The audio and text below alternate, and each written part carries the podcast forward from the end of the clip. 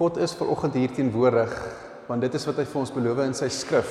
Daar waar 2 of 3 in sy naam saam is, daar is hy. Daarom kan ek elkeen van julle ver oggend kom groet en vir julle sê genade en vrede vir julle van God ons Vader, sy seun die Here Jesus Christus, deur die kragvolle werking van die Heilige Gees.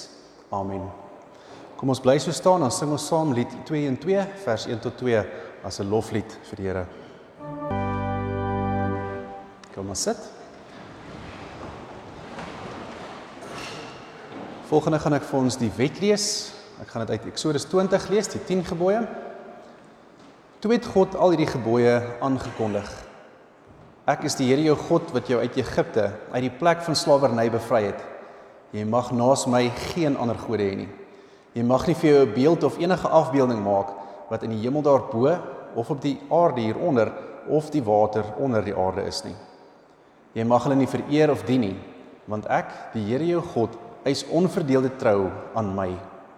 Ek reken die kinders die sondes van hulle voorvaders toe, selfs tot in die derde en vierde geslag van die wat my haat. Maar ek betoon my liefde tot aan die duisendste geslag van die wat my liefhet en my gebooie gehoorsaam.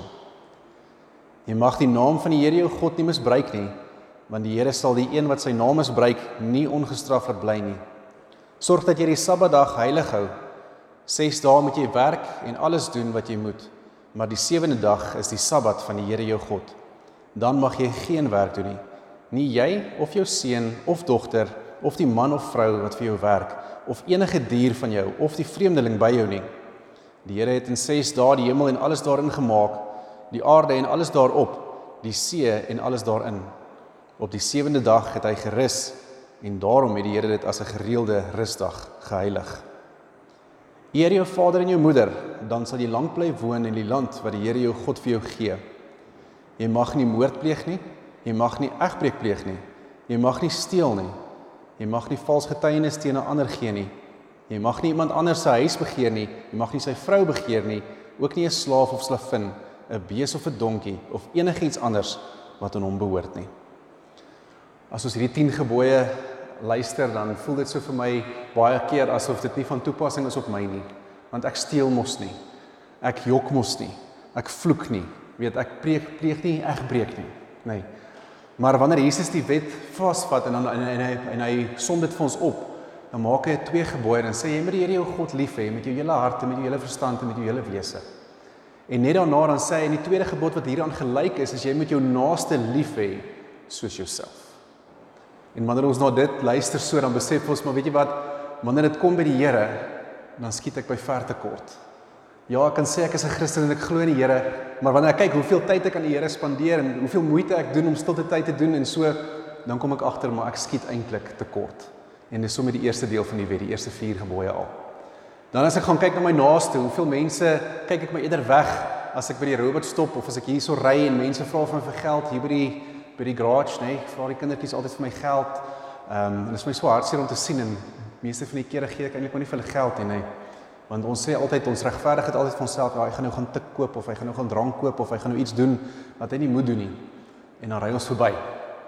So en dan kom dit weer op maar my naaste laat ek ook eintlik in die steek. En dan kom ek weer agter maar ek oortree hierdie wet van die Here. En dan kom die Here en dan sê hy vir my later, ons gaan 'n bietjie vandag praat ook daaroor, ek het my seun vir jou gegee en die wat in hom glo en wat hulle sondes vergewe of of wat wat vra dat hulle sondes vergewe word, word dan vrygespreek. So kom ons sing dan lied 231 vers 1 tot 3 as 'n skuldbeleidnis en daarna gaan ons aan. almal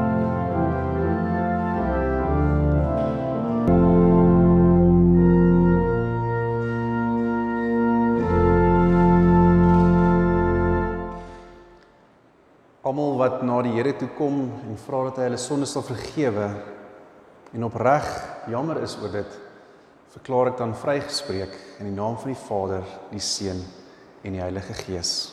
Amen. Kom ons sing 'n laaste loflied vir oggend, lied 239 vers 1 2 4.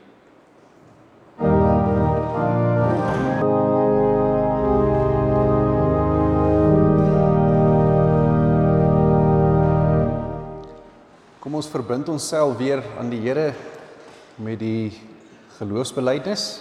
Ons kan dit so beso doen terwyl ons sit, maar doen dit saam met my asseblief. Ek glo in God die Vader, die almagtige, die skepper van die hemel en die aarde, en in Jesus Christus, sy enige gebore seun, ons Here, wat ontvang is van die Heilige Gees, gebore is uit die maagd Maria, wat gelei het onder Pontius Pilatus, gekruisig is, gesterf het en begrawe is en ter helle neergedaal het, wat op die 3de dag weer opgestaan het uit die dode, wat opgevaar het na die hemel en sit aan die regterhand van God, die almagtige Vader, van waar hy sal kom te oordeel die wat nog lewe en die wat reeds gesterf het. Ek glo in die Heilige Gees. Ek glo aan 'n heilige algemene Christelike kerk, die gemeenskap van die heiliges, die vergifnis van sondes, die opstanding van die vlees en die ewige lewe. Amen. Kom ons sit sommer so dan dan bid ons saam. Here Almagtige God, baie dankie vir die voorreg wat ons het om ver oggend so as 'n gemeente weer bymekaar te kan wees. Here, ons kan nie anders as om U te loof en te prys om weer by bymekaar te kan wees nie. Here, ons kan nie anders ook om vir U dankie te sê vir die reën wat daar geval het nie. As ons sommer so kyk in die veld en hoe die blomme lyk en hoe alles net mooi en groen lyk en hoe die damme vol is, Here, dan weet ons, dit is sommer net 'n genadegawe uit U hand uit. U U U U het vir ons voorsien. Here, dankie daarvoor. Here ons wil kom bid dat U deur die Gees met ons sal gesels vanoggend dat U al die bekommernisse wat ons dalk het vir ons eenkant toe sal skuif en dat ons regtig sal fokus op dit wat U vanoggend vir ons wil leer. Here en ek kom bid en vra dat U ons nie onveranderd vanoggend hier sal laat uitgaan nie. Ons vra dit in Jesus se naam. Amen. Ons teksgedeelte vanoggend is Efesiërs 2 vers 1 tot 10. Ek gee julle gou 'n oomblik om daartoe te blaai Efesiërs 2 vers 1 tot 10.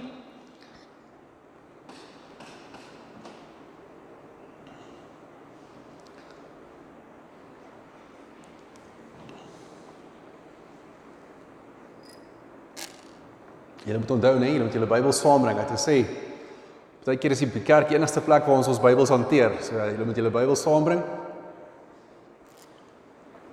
En ehm um, dat ons kan 'n bietjie deurblaai weer. Ek is natuurlik besig met 'n nuwe ding. Ek het nou my tablet hierso. En eintlik hou ek nie daarvan om met 'n tablet in die Bybel te lees nie, maar dis eintlik net omdat dit gaan oor die storie, nê. En dan as jy nou op 'n tablet is, dan klik jy sommer net. Dan sien jy net dan Efesiërs 2 en dan dan is dit daar.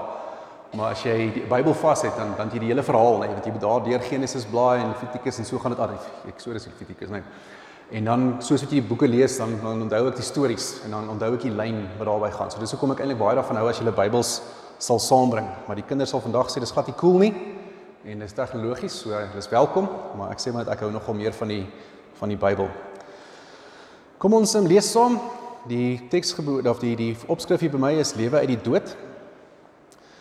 Julle was dood as gevolg van julle oortredings en sondes wat voorheen julle lewenswyse gekenmerk het. Julle het gelewe soos hierdie sondige wêreld en julle laat lei deur die vors van die onsigbare magte.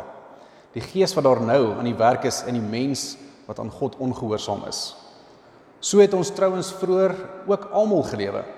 Ons is deur ons sondige sondige begeertes oorheers en het gedoen net waartoe ons liste ons gelei het en wat in ons gedagtes opgekom het. Vanweë ons sondige natuur sou ons net soos die ander mense deur God gestraf moes word. Maar God is ryk in barmhartigheid en het ons innig lief. Deur sy groot liefde het hy ons wat dood was as gevolg van ons oortredings saam met Christus lewend gemaak. Uit genade is jy gered. Ja, in Christus Jesus het hy ons saam met hom opgewek uit die dood en ons saam met hom in 'n plek, 'n plek in die hemel gegee sodat God ook in die tye wat kom ehm um, sou laat sien hoe geweldig groot sy genade is deur die goedheid wat hy in Christus Jesus aan ons bewys het. Julle is inderdaad uit genade gered deur geloof. Hierdie redding kom nie uit julleself nie, dis 'n baie belangrike stuk hierdie. Julle is inderdaad uit genade gered deur geloof. Hierdie redding kom nie uit julleself nie.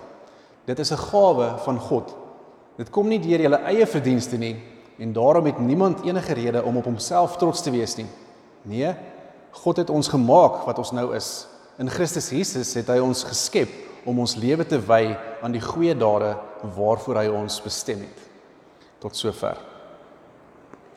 Nou ons gaan nou 'n bietjie teruggaan na vers vers 8 toe. Nou ons teks vanoggend is 'n baie kontroversiële teks in die moderne wêreld waar ons bietjie gesels oor die uitverkiesingsleer. Nou ek weet nie of julle al ooit gehoor het van die uitverkiesingsleer nie. Ons gaan nie vandag praat oor die uitverkiesingsleer nie. Maar hierdie teks is nogal een van die tekste wat hulle gebruik om te sê maar die uitverkiesingsleer, dit is hoekom dit so is. Nee, nou ek gaan so vinnig gesels oor die uitverkiesingsleer en ehm um, saam met saam met hierdie Efesiërs teks is dit natuurlik ook ehm um, Romeine wat baie sterk gebruik word ook om daai hele gedagte gegee van maar God het ons uitgekies en ons eenkant gehou. En in die tyd van die reformatie, nee, dit was nou hierso in in Luther se tyd, toe was daar nou baie debatte hieroor en eintlik in vandag se tyd was daar ook nogal baie, maar mense hoor dit nie meer vandag so baie nie. Nou daar was twee kante gewees aan hierdie uitverkiesingsleer. En die een kant was 'n humanis gewees, Erasmus was hy van gewees. Nou humanisme as ek dit so vinnig kan kort maak, is dit dit is iemand wat mensgesentreerd is, nê. Nee, iemand die humanisme kyk oor wat is die beste vir die mens? Die mens word in die middel gesit en alles moet gaan rondom die mens. En baie mense sal miskien vandag sê in die in die ehm um, sinode, die sinode op hierdie stadium, die algemene sinode en van hierdie ander kerke is baie humanisties want hulle fokus op die mens, nê, nee, shame die arme mens, wat nou van die mense waar ons eintlik teosentries moet wees, nê, nee, God gesentreerd moet wees. So dit is half die geval. Nou ek meen dit is nie 'n nuwe ding nie. Vir my en jou is dit nou 'n nuwe uh geveg of 'n nuwe debat want dit is nou die dieselfde geslagsverhoudings aan die een kant en dan is dit nou die ouens wat baie teen dit is. So dit is waar dit nou vir ons nuut is vandag. Maar voordat dit nou in hierdie opsig gekom het, was dit lankal by hulle 'n ding wat gesê het, maar ek kan myself red of God gaan my red. So Erasmus het gesê hy het 'n voorbeeld gebruik. Sy metafoor was die uitverkiesing is soos om of om gered te word, nie die uitverkiesing nie, die om gered te word is soos 'n ma wat saam met haar kind stap, net maar 'n klein klein babatjie wat net begin stap.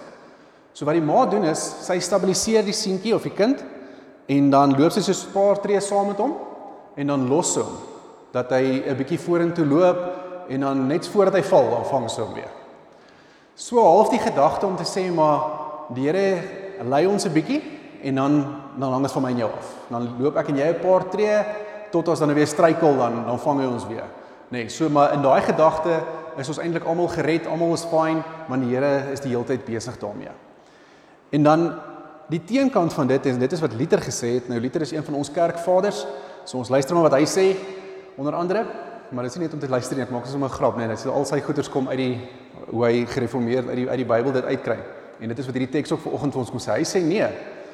Ons is glad nie soos dit nie. Ons is nie in staat om eers 'n bietjie te werk aan ons redding nie. Ons het geen insaag in ons redding nie. Hy sê ons is soos klein wurmpies wat omring word deur vuur en God wat dan van bo af uitreik en ons kom red uit daai dood uit. Nê. Nee. So absoluut niks wat ek en jy kon doen om ontslae te raak van daai vuur nie, niks wat ek en jy kon doen om dit te oorleef nie. Uit en uit God se genade waar God afgekom het en ons opgetel het uit daai daai doodstaat uit. So dit is die die verskil tussen die twee. Nou ons het toe ek begin het hierso het ons so 'n bietjie gepraat oor vryheid, nê. Nee. Wat beteken vryheid? En toe het ons gesê een van die probleme van ons vryheid is die feit dat ek en jy graag in beheer wil wees.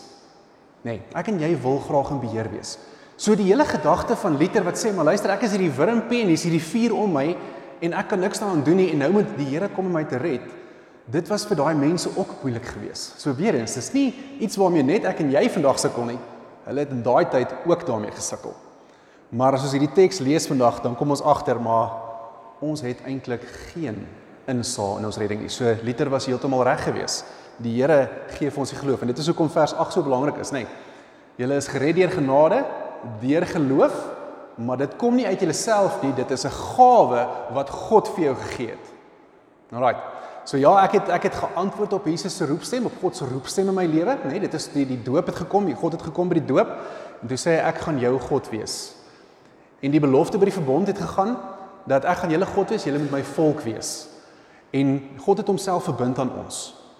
En die dag wat jy dan nou tot bekering kom in ons tradisie gaan dit dan nou die dag wat jy dan nou belydenis van geloof af lê, nee, maar eintlik die dag wat jy tot bekering kom, dan antwoord jy op God se roepstem. So God het klaar gesê ek gaan jou God wees. En dan loop hy 'n pad met jou en dis hy wat die Heilige Gees in jou hart sit en dis die Heilige Gees wat geloof wek in jou hart en daarom glo jy. So as die Here nie vir jou daai gawe gegee het nie, sou jy nooit geglo het nie en sou jy nooit ehm um, as ek dit nou maar so kan sê gered wees nie. Nou wanneer ons nou uit die teks kyk, Dan sê Paulus vir ons 'n paar dinge. Hy maak so vir ons so drie punte wat ek wil aanraak vandag, maak hy vir ons duidelik. Hy sê vir ons ons was sonder God as dit van ons afhang het. Was ons sonder God. So as dit van my en jou afhang het, was ons verlore gewees. Die tweede punt is ons word gered deur genade, genade alleen. En dit is 'n geskenk wat die Here vir ons gee.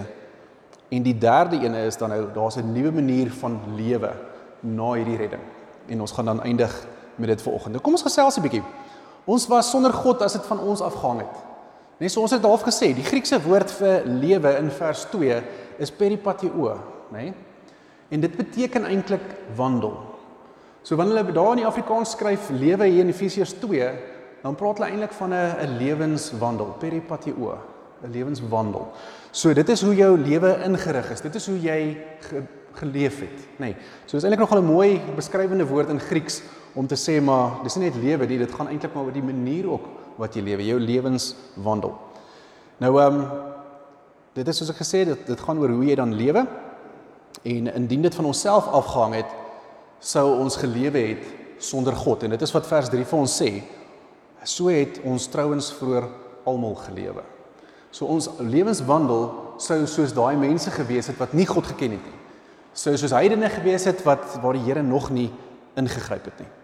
Nou of jy 'n Jood of 'n Griek was, nê, nee, of vandag kan ons sê of jy nou 'n 'n Jood en of jy nou 'n heiden was, dit maak nie saak nie, almal was ver van God af. Nee, dit is wat hy vir ons sê daar in vers 3. Almal van ons was ver van God af en het ehm, 'n um, pad gestap wat tot oneer was vir God. So dit was nie aanvaarbaar vir God nie. Nou kom ons kyk, die Jode byvoorbeeld dink nog steeds baie van hulle dat om die wet te onderhou gaan maak dat hulle hulle redding kan kan bewerkstellig. So sien daar's nou weer daai gedagte van die kind wat nou gelei word, nê. Nee. So ek het die wet en my ma help my nou hierso. En solank as wat ek die wet onderhou, daai paar treetjies wat ek self kan neem, kan ek gered word. Nê. Nee. Ek en jy weet, dis nie waar nie. So dit is waar dit nou terugkom na vandag toe weer. Dit is nie waar nie. Ehm um, die ander nasies het afgode gehad, hulle was losbandig, dronkenskap en allerlei ander slegte dinge. Nou sonder God se ingrype sou ons almal hel toe moes gegaan het. Nou wat interessant is ook, is nog 'n woord wat ons nie baie hoor nie in die kerk nie, is die woord hel. Dominee spreek nie meer oor die hel nie. Nee, ons is so bang, dan nou maak ek jou kwaad omdat ek nou vir jou sê daar's 'n kans dat jy kan hel toe gaan dalk of daar's mense wat hel toe gaan. So ons praat nie meer van die hel nie. Maar om genade heeltemal te verstaan of om iets van genade heeltemal te snap, moet jy ook verstaan iets van die hel. En ons as kinders het groot geword met hierdie vrees van die hel. Dit is 'n slegte plek. Ons gaan brand, nê, nee, heeltyd gaan dit vir ons sleg wees. En as jy dink hoe sleg dit vir jou gaan wees, dan kom Paulus en sê maar luister, ons almal was so sondig want ons was gedryf deur ons sondige natuur. Ons het gedoen wat ons lus was. Ons het gedoen wat in ons gedagtes opgegaan het. Dit is hoe ons gelewe het. En dan weet ons, maar sonder God was ons almal veronderstel om gestraf te word nê? Nee? Dit is waartoe ons op pad was. Ons was op pad om gestraf te word. En dan kom die Here en hy buig af in die vorm van Jesus en hy kom haal ons daar uit daai uit daai vuur uit, net daai ring, daai vuur wat ons omring. Kom haal hy ons uit. Die tweede een is ons word gered deur genade en dit is 'n geskenk. So wanneer jy besef dat jy werklik verlore is, dat jy regtig in die moeilikheid was as dit nie vir die Here was nie, dan kom besef ons weer iets van genade. Nee, wat het ons laas gesê genade is is 'n geskenk. 'n Geskenk is die beste manier om dit uit te beeld. Maar toe sê ek vir jou, my en jou idee van geskenk is is ook 'n bietjie verwronge, nê. Nee. As ek vir jou 'n geskenk gee vir jou verjaarsdag, dan verwag ek so half eintlik maar 'n geskenk vir my verjaarsdag. En as ek vir jou 'n present gegee het vir Kersfees, dan verwag ek eintlik maar so dat jy vir my ook 'n geskenk gaan gee in Kersfeestyd. Nee. So dit is dis so 'n menslike siening van van van van 'n geskenk. Maar hierdie genade geskenk is ver meer as dit. Dis 'n geskenk wat die Here vir ons gegee het en hy het eintlik geen verwagting van my en jou nie. Nee. My en jou groot probleem met genade is, gaan ons dit aanvaar? Gaan ek hierdie geskenk van die Here aanvaar? Gaan ek Jesus Christus aanvaar, my verlosser? En dit is waar ons baie keer sukkel. En dan verwar ons dit met ek wat Jesus moet aanvaar en glo en vertrou dat die Here my vrygemaak het met maar hoe kan ek hierdie geskenk ontvang sonder om iets daarvoor te doen? Ek wil nou iets terug doen vir die Here sodat ek hierdie geskenk kan ontvang. En dis 'n baie fyn lyn waar ons vandag loop. Nou ek sê weer, terwyl ons nou in die kerk sit, dan dink ons almal, nee man, dit klink nie reg nie, dit is nie so nie. Maar wanneer jy bietjie jou lewe gaan ontleed, nê, nee, dan kom jy agter, weet jy, dis presies hoe ek dink. Ek dink presies so. Elke keer as ek iets verkeerd doen of wat ek al dan dink ek, o, jene, nou gaan die Here my moet straf. O, jene, nou gaan ek dalk nie hierdie werk kry of wat ook al ek voor aansoek gedoen het nie of wat ook al jou situasie is, nê. Nee. So ons dink baie keer nogal verkeerd oor dit. Nou God se liefde is die bron van hierdie redding. En dit is juis deur hierdie liefde wat van God afkom wat ek en jy vanoggend hier kan sit en sê maar weet jy wat ek glo in Jesus Christus. Dis as gevolg van God se liefde dat ek en jy dit kan doen. Ek glo vandag in Jesus Christus. Ek glo hy is my verlosser. God het afgekom in die vorm van Jesus Christus, nê. Nee, ons het al gepraat hieroor ook. Was Jesus mens of was hy God gewees? Was hy 50% mens of was hy heeltemal mens? Nê, nee, of 50% God? Wat was Jesus gewees? En die antwoord is hy's 100% mens, 100% God. Né? Nee, so dit is Jesus is God vir ons geopenbaar sodat ek en jy kan die Engelse woord is relate met hom. Sodat ek kan sien maar dit is wat hy gedoen het. So wanneer ek kyk na Jesus se aksies en Jesus se dade en die manier hoe hy met mense gepraat het, dan kom ek agter maar dit is hoe God wil hê ek moet ander mense hanteer. En dan as ons terugkyk na die wet, dan kom ons agter Ons het moeilikheid. Ons het groot moeilikheid. Maar gelukkig God se liefde was vir ons te groot. Hy het sy seun vir ons gestuur om ons te kom lewend maak en nie deur ons eie wil nie en nie deur ons keuse nie. En dis weer 'n baie belangrike ding wat ek wil sê. Dit was nie jou keuse gewees nie, dit was God se keuse. Jy het geantwoord op God se roep. Dit is die belangrike ding daaroor. Jy sou nie 'n keuse gehad het as dit nie vir God was nie. En dit is wat vers 8 vir ons sê. Nee, ons gaan nou daarby uitkom. So onthou dit bietjie vir my mooi. Dit is 'n is vir my belangrik vir al julle wat belydenis klas toe gaan. Dit gaan nie oor onthou hier God het homself aan my en jou kom verbind. Genesis 17. En ek antwoord die dag as ek tot bekering kom. Antwoord ek op God wat wat my te geroep het na hom toe. So is baie belangrik. So ons het daai genade gekry. Vers 5 sê uit genade is jy gered. Nou hierdie redding bring 'n totale ommeswaai in 'n manier wat ons moet lewe. In die manier wat ons moet lewe, nê? Weer daai woord, daai peripateo. Wanneer jy tot bekering kom, dan moet jou lewenswandel begin anders lyk as wat dit voorheen gelyk het. Dit kan tog nie dieselfde lyk as wat dit gelyk het voor jy gered is nie, kan dit? Nee. Want ek meen die eerste 3 verse of die eerste 4 verse sê eintlik vir ons hoe verlore ons was, hoe ons deel was van die wêreld, wat ons net gedoen het wanneer ons lus was. Nou die Here ons kom kom bevry.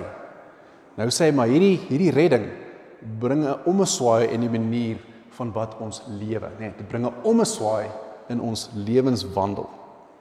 Ons moet heeltemal verander. Nou dit dit wat nogal interessant is hier is dit bring 'n omeswaai in my en jou lewenswandel vandag hier op aarde, maar ook 'n omeswaai vir jou lewenswandel in die ewigheid. Want ons ewe ons lewenswandel in die ewigheid voor Jesus was die hel.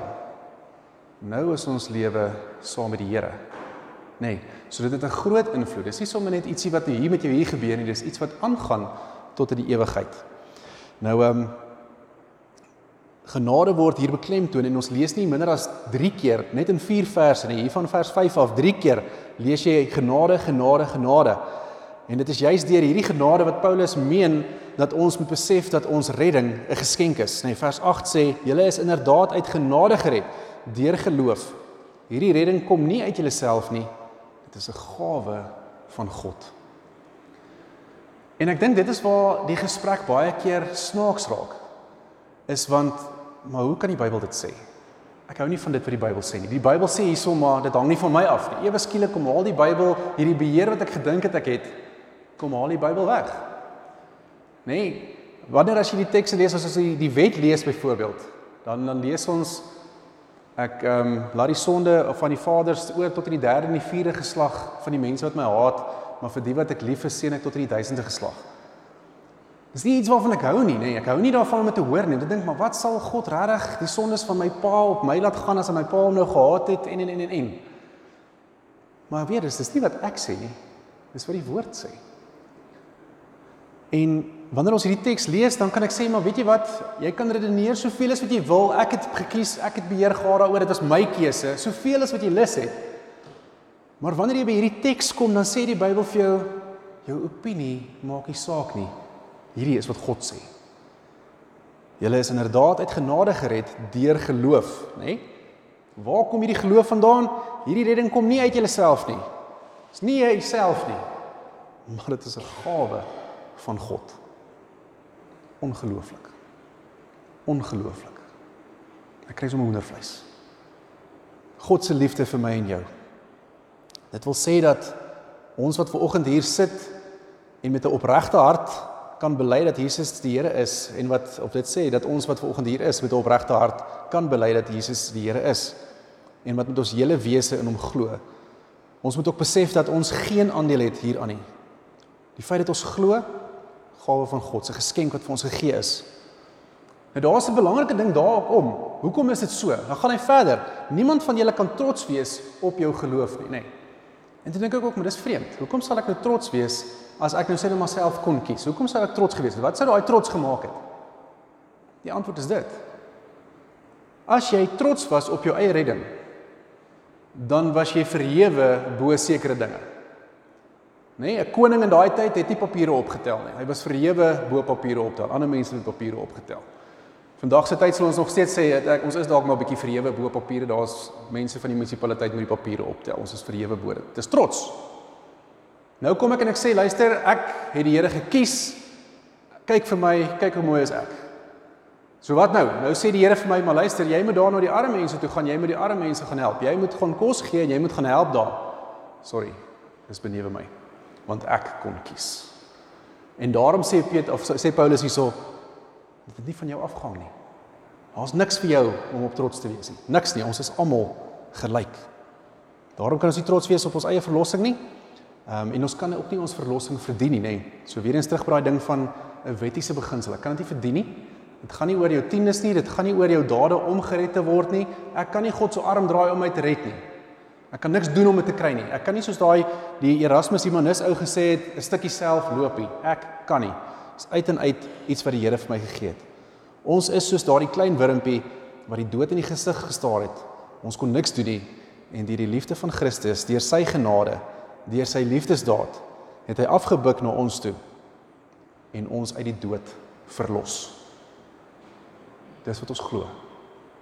Dis wat ons glo. En wanneer ons dit glo, dan moet daar 'n stuk vryheid by jou oopkom. Dan moet daar 'n stuk verligting by jou wees. Ok, ek vra vir die volgende vraag. Hoe weet jy jy gaan hemel toe? Nee, as ons praat van die uitverkiesing, hoe weet jy jy is uitgekies? Nee, ek en ek was jonk, was 'n jong kind en ek het vir my ma op 'n stadium gevra, maar hoe weet ek ek glo? Want ek weet ek moet glo om om om gered te word. Maar hoe weet ek? Wat is jou antwoord? Hoe weet jy jy glo? Hoe weet jy jy is uitget kies? Wil iemand antwoord?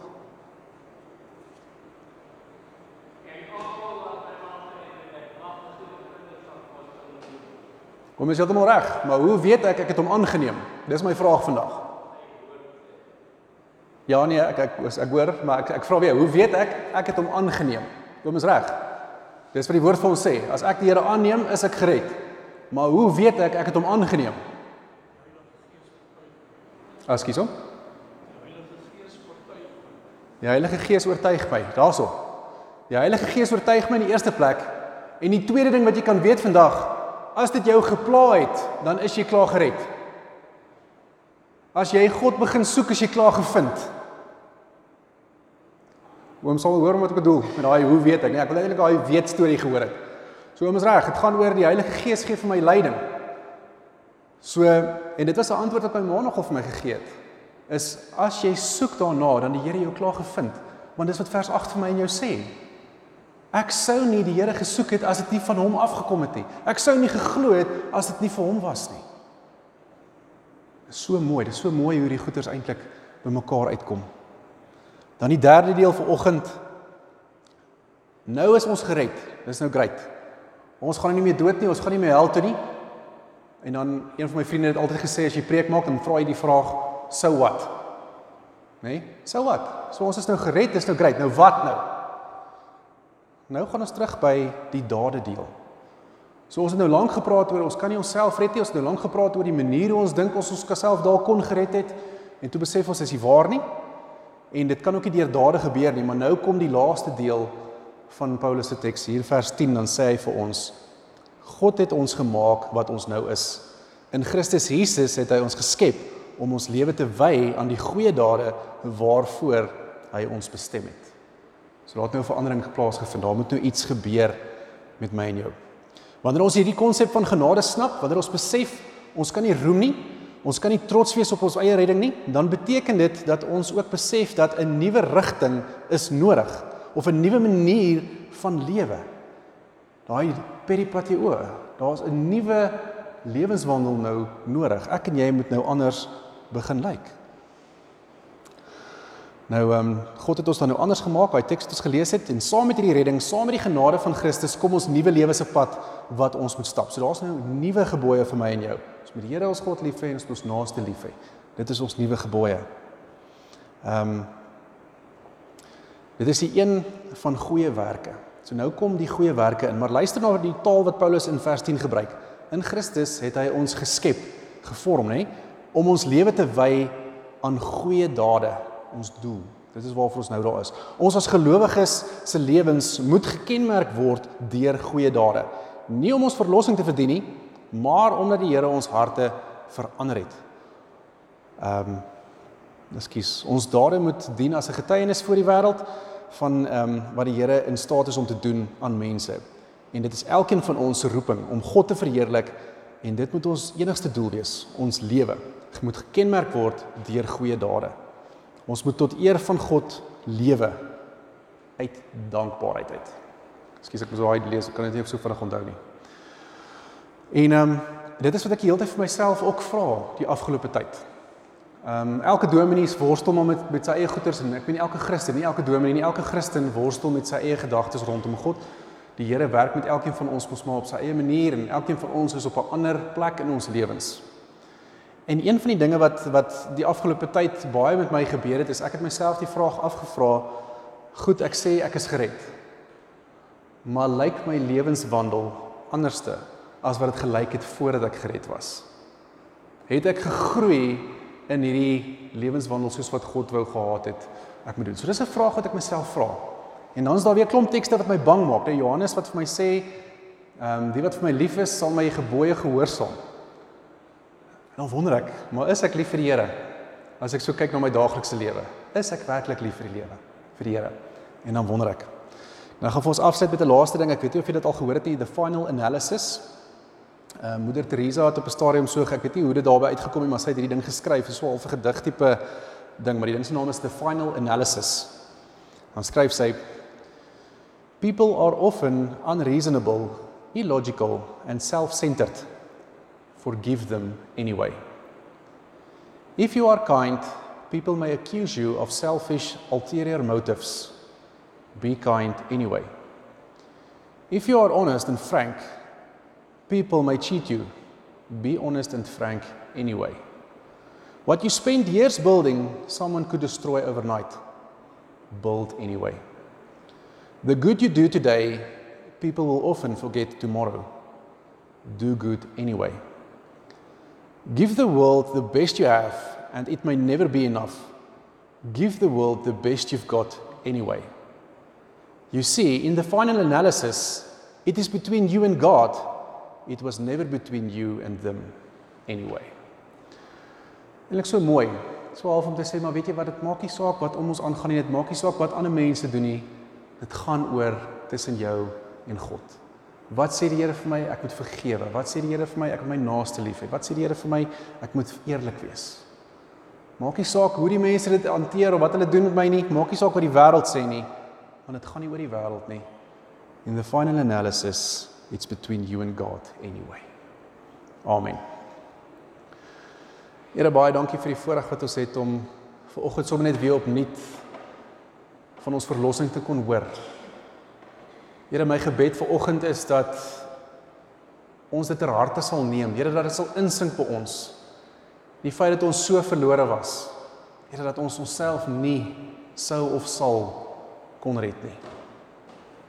Here maar dankie dat ons ver oggend sommer van u liefde en u genade weer kon lees. Here dankie dat ons sommer weer kon hoor hoe u afgekom het na ons toe en ons uit hierdie hierdie dood kom red het. Here, dankie dat U U seun vir ons gestuur het. Dat hy die prys vir ons betaal het sodat elkeen wat aan hom glo nie verlore sal gaan nie, maar saam met U die ewige lewe sal hê. Here, ons loof en prys U daarvoor. Here, ons dink sommer net aan dit en dan dink ons sommer net aan alles wat U vir ons doen en dan word ons harte bly van blydskap en, en ons word vrolik want ons weet U is daar, U voorsien vir ons. Here, dan as ons sommer weer vandag opnuut kan hoor hoe U ons gered het en hoe dit van ons afhang nie en hoe ons eintlik vry is, kan ons nie anders as om U te loof en te prys daarvoor nie. Heilige Gees, maar saam met hierdie vryheid en saam met hierdie redding en saam met hierdie genade is daar ook iets wat van ons verwag word hier en daar. U wil graag hê dat ons se lewe moet lei soos wat U graag wil hê ons moet. En daarom kom bid ons vanoggend Heilige Gees dat U in elkeen van ons harte sal kom werk. Dat U ons sal lei op die pad wat U graag wil hê ons moet. Here dat wanneer daar mense oor ons pad kom dat U ons sal wys hoe ons elkeen van hulle moet hanteer in liefde. Here sodat wanneer ons hulle hanteer wanneer ons met hulle te doen kry, dat hulle U in ons sal raak sien. En ons vra dit in Jesus se naam. Here verder wil ons kom dankie sê vir die reën, ons wil kom dankie sê vir u goedheid. Ons wil kom vra dat u met ons sal wees ook in hierdie tyd wat voor lê, hierdie virustyd wat nog hierso is. Kom vra dat u ons sal beskerm. Ons wil kom vra dat u die boere sal beskerm daar waar hulle op hulle plase is en ook sommer die mense in die dorp. Gaan ook met die besighede hierso Here, jy weet hoe die ekonomie lyk. Ons vra sommer net vir u om om in te gryp hierso ook. Here, maar dankie dat ons kan weet U is die een wat in beheer is. Ons kom bid vir oggend vir almal wat siek is en vir almal wat hartseer is. Ons kom plaas hulle in U hande. Ons vra dat U self hulle gesond sal maak en dat U self hulle ook so sal troos. Here, ons kom dra ons leiers van ons land by U op en ons kom vra dat U by hulle sal wees en vir hulle die wysheid en die insig sal gee om ons land te regeer soos U graag wil hê hulle moet. Here, ek hou U hand van van seën en genade oor oor ons dorp, oor ons kerk en so ook oor ons land. Here as ons so terugkyk in die verlede, dan kan ons nie anders as om die goedheid vir ons daar raak te sien nie en dit bou ons geloof. En dit is juis uit daai geloof wat ons al die dinge vir U vra en ons vra dit in Jesus se naam. Amen. Goed, daar gaan nou nie offergawe wees nie. Die offergawe is daar by die deur uit. So, ehm um, kom ons sluit dan af met 'n laaste lied, lied 464 en ons doen dit staande en daarna sal ek vir ons die seën uitspreek.